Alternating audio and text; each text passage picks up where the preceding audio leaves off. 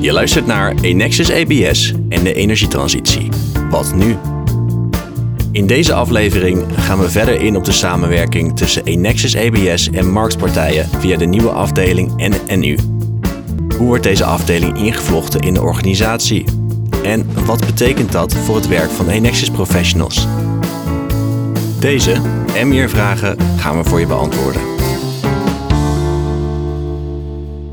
Welkom beste luisteraar. Mijn naam is Sjoerd Arends en ik spreek met Anton Steenbergen en Huub Vinger. Heren, willen jullie jezelf uh, kort voorstellen voor de luisteraar? Anton, om bij jou te beginnen. Ja, dankjewel Sjoerd. Mijn naam is Anton Steenbergen.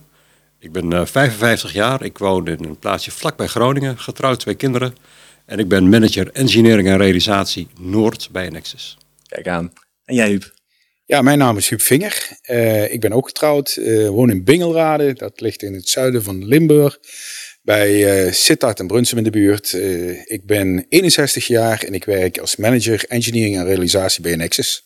Kijk aan, twee managers engineering en realisatie. Wat doet zo'n manager precies? Ja, Huub en ik doen eigenlijk precies hetzelfde. Wat Huub doet in Zuid-Nederland, dat doe ik in Noord-Nederland. We zijn verantwoordelijk voor verbouw, nieuwbouw, renovatie, onderhoud en beheer van de hoge- en middenspanningsstations. En voor mij is dat uh, Groningen, Drenthe en Overijssel. En dat doen we in het noorden met uh, bijna 200 mensen, verdeeld over een aantal teams. Uh, projectmanagement, engineering, realisatie en inbedrijfname. En al die werkzaamheden worden ook nog een keer gepland en gecoördineerd en administratief ondersteund door een team workforce management. Het zijn een hoop teams. Ja, in het zuiden van het land heb je hetzelfde. Uh, waar je de lijnen van, van Tennet naar beneden ziet komen, daar uh, zijn de hoogspanning- en middenspanningsstations. En dat zijn de stations die wat wij onderhouden. En uh, mijn taak ligt dan in Brabant en Limburg om dat te verzorgen. Jullie sturen een hoop, hoop mensen aan. Hoe zien jullie dagelijkse werkzaamheden er een beetje uit bij Enexis? Vergaderen, vergaderen en vergaderen. ja, dat doen we wel heel veel. Maar dat wisselen we gelukkig af met bezoek aan de stations. Uh, daar gebeurt het natuurlijk en daar, daar, daar, willen we en moeten we ook zijn. Ja, ik wilde net vragen, staan jullie nog wel eens echt met, met poot in de klei? Uh, bij, bij de technologie waar het, uh, waar het uiteindelijk om gaat. Dat, is wel een dingetje wat we, wat we steeds proberen te doen. ik heb voor mezelf in ieder geval de taak opgelegd om zeker één keer per maand bij de mensen op bezoek te zijn. Maar ja, we moeten ervoor zorgen dat onze mensen hun werk kunnen doen. Wij faciliteren eigenlijk de mensen buiten tot deze ja, ongestoord hun werk kunnen uitvoeren. Laten we het zeggen, verrassingsvrij werken, want dat maakt het meeste plezier aan het werk. Ja. Jullie zijn volgens mij al best lang actief in de netbeheerderswereld. Hoe lang werken jullie al bij, bij Enexis? Ik ben een rechtsvoorgangers van Enexis, hè. dat zeggen dan altijd. Ja, ik werk al vanaf 1988 binnen deze sector. Destijds was het het EGD, het Energiebedrijf voor Groningen en Drenthe. En allerlei functies gezworven van... Ehm, ben, ik ben gestart in, in de uitvoering, echt in een station, wat nu PEC Engineer heet. En uh, ben projectleider geweest en teammanager geweest. Toen heb ik twintig jaar bij dit bedrijf gewerkt. Toen dacht ik, nou, nu is tijd voor iets anders. Toen ben ik naar een uh, ingenieursbureau gegaan. Dus buiten, uh, buiten Nexus. Daar heb ik zeven jaar gewerkt. En ja, het bloed kruipt toch waar het niet gaan kan. Dus ik werk nu alweer bijna acht jaar bij Nexus in de functie die ik nu heb. Maar dus altijd in de energiesector gewerkt. Kijk, en jij Huub? Ja, bij mij het, zit het wat anders in elkaar. Uh, wel in de energievoorziening gewerkt, maar ik ben uh, begonnen in het zuiden van het land bij zo'n grote chemiereus. Uh, daar heb ik een aantal jaren gewerkt. Toen ben ik overgestapt naar een industriële dienstverlener Stork. Heb daar een aantal jaren gewerkt. En 25 jaar geleden, bijna 25 jaar geleden, ben ik in dienst getreden van toen Mega Limburg. En ja, dat is uitgegroeid tot Inexus zoals het nu is. En dus zit ik ja, zeker 25 jaar in het netwerkbedrijf branche. Ja, ja, precies. Nou ja, 25 jaar is ook al een behoorlijke tijd. Ik kan me voorstellen dat uh, nou ja, het werken toen anders uitzag. Wat is er veranderd in jullie werkzaamheden in de loop der jaren? De, snelheid waarin tot alles op vandaag moet gaan, die is wel beduidend toegenomen. Ehm, ja, de energietransitie, waar we nu, als je de, de tv aanzet, continu van horen, die, die drijft ons ertoe om veel meer en veel sneller te bouwen. En we gaan dus ook op andere manieren bouwen om die snelheid erin te krijgen en te houden. Ja, dan kun je heel goed zien wat u nu vertelt aan het job, het jaarorderboek wat wij wat we hebben. Dat is een, dat is een boek met opdrachten wat wij jaarlijks moeten uitvoeren. En zeven jaar geleden was de grootte van die opdrachten op jaarbasis ongeveer 20 miljoen, zowel voor u als voor mij. Maar dat is inmiddels gegroeid tot 80 miljoen. Zo. Dus dat, hè, dat in een, eh, van, eh, zoals Jup zegt, vanwege de energietransitie heeft het een enorme vlucht genomen. Maar niet alleen eh, de financiële kant van de opdracht, ook het aantal mensen waar- waarmee we dat uitvoeren. Eh, dat is ook gegroeid van 100 naar 200 mensen op een, op, op een afdeling.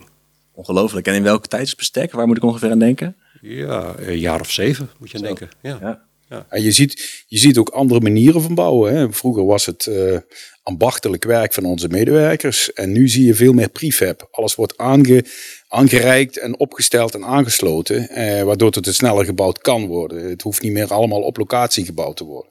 Ja, een prefab, er wordt iets in de fabriek gebouwd, dat wordt Ja. naar een station verplaatst en daar, eh, daar aangesloten. Dus het wordt in die zin wat, wat slimmer gewerkt. eh. Een ding wat voortgekomen is uit, uit de energietransitie zijn onder andere e-houses. Ehm, aansluiten van zonneparken en windparken. Eh, dat, dat ontwikkelt zich ergens.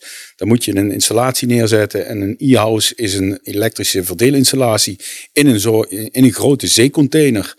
Eh, zeecontainer is misschien niet het juiste woord. Hè. Er zit airco in en alles. eh, fatsoenlijke verlichting en dan een, een, een verdeelinrichting. Maar dat spul wordt dan snel opgesteld, op een aantal poten neergezet, aangesloten. En het, ja, het windpark, het zonnepark kan de energie leveren. Interessant. Ik ben wel benieuwd, hoe, hoe verhoudt dat zich tot hoe jullie vroeger jullie, jullie werk deden? Is, dat, eh, is dat heel anders qua, qua technologieën en, en manier van werken? Nou, qua technologie, weet je, wij, houden, onderhouden nog steeds de apparatuur die destijds, uh, late 60 jaren, in bedrijf is genomen. Dat staat er nog steeds. En dus, dus onze mensen moeten nog steeds de kennis hebben om die apparatuur te, te, onderhouden en storingen aan, op te lossen. Alleen vanwege die uh, standaardisatie komt natuurlijk een heel veel nieuwe apparatuur neer. Dat moeten de mensen ook allemaal beheersen. Dus dan een breed scala aan apparatuur wat wij... Uh, ja, dus jullie hebben het flink, uh, flink drukker gekregen. Dat, dat ja. zien jullie in uh, nou, ook het aantal mensen wat, uh, wat aan de slag gaat. Um, wat betekent die snelle groei voor de, voor de teams die jullie aansturen? Nou, wij sturen niet rechtstreeks de teams aan. Hè. Er zit nog een laag management tussen. En uh, we hadden ooit de uitspraak over het principe dat een teammanager aan 20 FTE plus of min twee mensen leiding mag geven. Nou, ik zei zo even dat we enorm gegroeid zijn. We hebben nu teams van 30, 40 mensen. Ja, een teammanager die aan 40 mensen leiding geeft, dat is eigenlijk niet meer te doen. Hè? Die kan te weinig individuele aandacht aan de ontwikkeling van zijn medewerkers schenken. En er komt bij, Huub en ik kunnen het niet meer delegeren, omdat de teammanagers uh, zo enorm druk zijn. Dus er waren twee redenen uh, om uh, dat te gaan veranderen. We gaan, dat nu ook, we gaan dus onze organisatie veranderen. We gaan die teams splitsen. Er komen meer teammanagers bij, zodat het teamgrootte weer 20 plus of min 2 FTE wordt. Dat is een track wat nu gestart is. De vacatures die staan uit. Kijk aan, dus jullie zoeken, zoeken een hoop teammanagers. Yes. Ja. Ja, laten we hopen dat er dan ook uh, potentiële teammanagers naar deze podcast luisteren. Dat hoop ik. Ja, dat hopen we zeer zeker. Uh, ja. En laat alsjeblieft schrijven, want het is enorm uitdagend om nu in energietransitie te werken. Geweldig werk. Ja, ja precies. En wat merken jullie van die, uh, van die toegenomen drukte? Ja, persoonlijk zie ik dat tot heel veel vragen op ons afgevuurd worden. Van anders werken, sneller werken. En uh, we zijn op zoek naar, naar mogelijkheden. En uh, ja, binnen, binnen ons bedrijf, binnen in ieder geval het werk wat we nu bij engineering en realisatie doen, zijn we uh, gestart met een, een afdeling als netuitbreiding en uitbesteding. Om dat ook voor elkaar te krijgen. Die, die extra, dat extra aanbod aan werk. om dat niet meer met, het, met hetzelfde aantal mensen te doen door harder te werken. Want dat lukt gewoon niet meer. We moeten anders gaan werken, slimmer gaan werken. En een van die dingen is onder andere werk op de markt wegzetten om uh, uh, meer handen aan, aan, aan ons werkfront te krijgen. Ja, ja, precies. Dus er komt die nieuwe afdeling. Hè. We hebben het in de vorige aflevering van deze podcast uh, uitgebreid over gehad. Maar voor de luisteraar die dit gemist heeft, kunnen jullie nog even in een notendop vertellen wat er op die afdeling gaat gebeuren. Dat is een afdeling die gaat zich bezighouden met, uh, met drie aspecten. Um, ze gaan een pilot draaien om anders te realiseren. Dus ze gaan eens nadenken hoe ze sneller en efficiënter het werk kunnen uh, verzetten. Ze gaan, een, uh, ze gaan daarnaast ook programmatisch realiseren. Dat is het werk wat wij nu doen in de staande organisatie. Een, een gedeelte van het surplus aan werk gaan zij daar voor ons realiseren. En daarnaast is er een uh, proeftuin um, voor het invlechten in bedrijfnamen. En dat alles wordt gecoördineerd door, door WFM, zoals ik in het begin al eventjes uh, vertelde. En overigens hebben we misschien goed om te vertellen waarom we dit eigenlijk doen, hè, die afdeling NNU.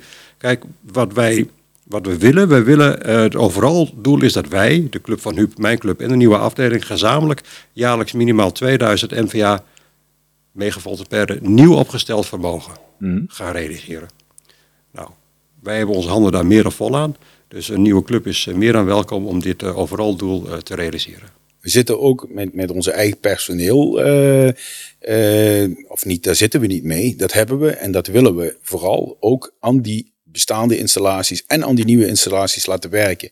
Want straks, als het in bedrijf is, zullen we het wel moeten onderhouden en uh, storingen moeten oplossen. Dus we blijven sowieso ook zelf dit soort werk verzetten. Wat NNU gaat doen, dat is extra handen om, de, om, de, om die installaties neer te zetten, maar dan niet in de, eh, op de payroll van, van uh, Inexis, maar extra handen die wat op de markt zich bewegen, die wat ons komen helpen om de energietransitie mogelijk te maken. Want hoe ziet die rolverdeling er straks uit tussen die marktpartijen en, uh, en Enexis en de teams waar jullie mee werken? Nou, de onze rol is in ieder geval zorgen dat wij onze standaarden op orde hebben. Tot we weten wat we willen en tot we dat kunnen vragen van de club NNU. Tot die precies weten wat we bouwen. En als je dan een, een, een station in Delfzijl bouwt, of je bouwt een station in Sittard, ziet dat precies hetzelfde uit. Dat is volgens de standaard van Inexis. Dan uh, gaat NNU, uh, de club NNU, aan de slag om die dingen op te stellen en aan te sluiten. En uiteindelijk komt dan ENR, die wat vervolgens dat in bedrijf neemt. Testen en in bedrijf nemen. Want je kunt wel denken, oh, ik draai de schakelaar om en het werkt. Nee, zo gaan we niet op een net. Dat wordt helemaal uitgetest totdat we zeker weten dat alles in orde is, juist is en goed functioneert. En dan zetten we het op het net. En dat, dat laatste stukje, dat in bedrijf nemen en testen, dat is weer het werk van, eh, van de ENR. Ja, precies. ENR staat voor? Engineering en realisatie. Engineering en realisatie. Het samenvat NNU bouwt en ENR beheert en onderhoudt. Die neemt het later weer over. Um, ja, het voordeel van deze manier van werken is natuurlijk dat jullie meer kunnen doen met de, mensen die jullie hebben. Want jullie gaven aan, daar, daar zitten gewoon grenzen aan. Hè. Op een gegeven moment gaat het gewoon niet meer met het, met personeel wat jullie hebt. Dus vandaar deze slimme verandering in die, in die organisatie. Uh, welke voordelen zien jullie nog meer van deze manier van werken, vanuit jullie rol? Als je, als je kijkt naar standaardisatie, uh, als je dadelijk uh, standaarden neerzet, heb je, als je nieuw personeel krijgt, heb je het voordeel dat je één installatie doet opleiden. En als je er dan 24 van hebt staan, dan heb je in één installatie opgeleid. En heb je uh, eigenlijk voor 24, 24 installaties de mensen al opgeleid. Je zag vanuit het verleden, toen wij afkwamen van de nutsbedrijven, dat iedereen zijn eigen special had, zijn eigen standaard. En als je dan nu mensen op pad stuurt in verband met een storing, dan komt die overal andere installaties tegen. Dus deze energietransitie en deze versnelling brengt met zich mee dat we uh, sterker gaan standaardiseren en tot je veel meer uh, overzicht krijgt. Als monteur zijnde, als technicus zijnde, als werkverantwoordelijke zijnde, kom je in installaties die wat je op meer plaatsen tegenkomt. En dat is gewoon uh, qua, qua complexheid wel, wel een voordeel. Het is minder complex. Ja, maar dat is ook heel belangrijk natuurlijk. Want kijk, toen wij begonnen had je vaak nog een baan voor het leven bij zo'n bedrijf als dit. En dan maak je de nieuwbouw van al die stations mee en maak je dus de scala apparatuur mee. En die oudere mensen, die kunnen dat, kunnen dat geheel ook overzien. Maar tegenwoordig, de jongere mensen die bij ons in dienst komen, die werken vijf, zes jaar bij ons en dan gaan ze weer weg. Dan gaan ze naar een andere werkgever.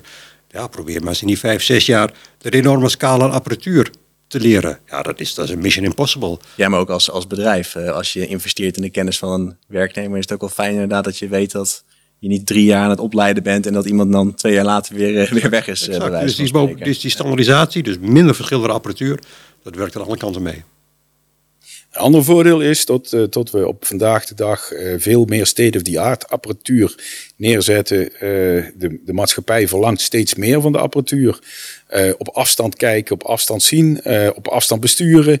Nou, de nieuwe installaties hebben dat natuurlijk allemaal inzicht. Wanneer tot je oudere type installaties hebt, die, uh, die hebben daar een beperking in. En uh, ja, daar lopen we tegen die beperkingen aan. En die energietransitie brengt met zich mee dat we moeten uitbreiden. En dan zie je dat de bestaande installaties verdwijnen.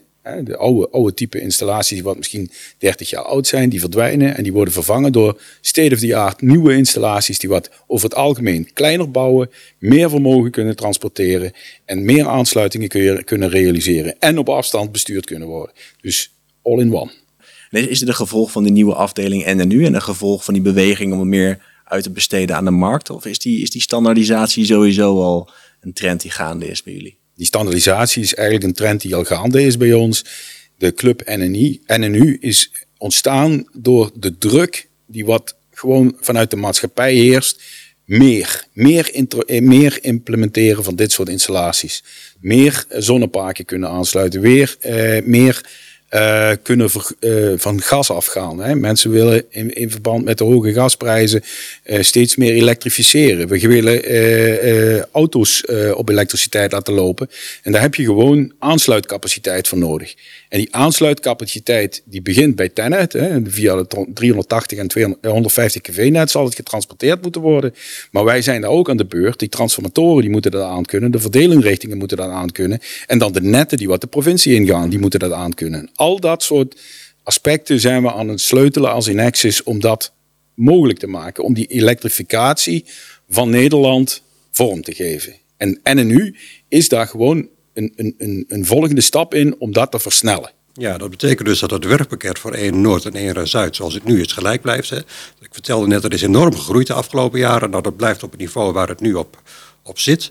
Wij blijven ook met hetzelfde hoeveelheid mensen blijven werken. Alleen het extra, surplus, dat zal door NNU uitgevoerd worden. Ja, we hebben het gehad over ja, wat gaat er veranderen. De, de technologie verandert, er wordt gestandaardiseerd.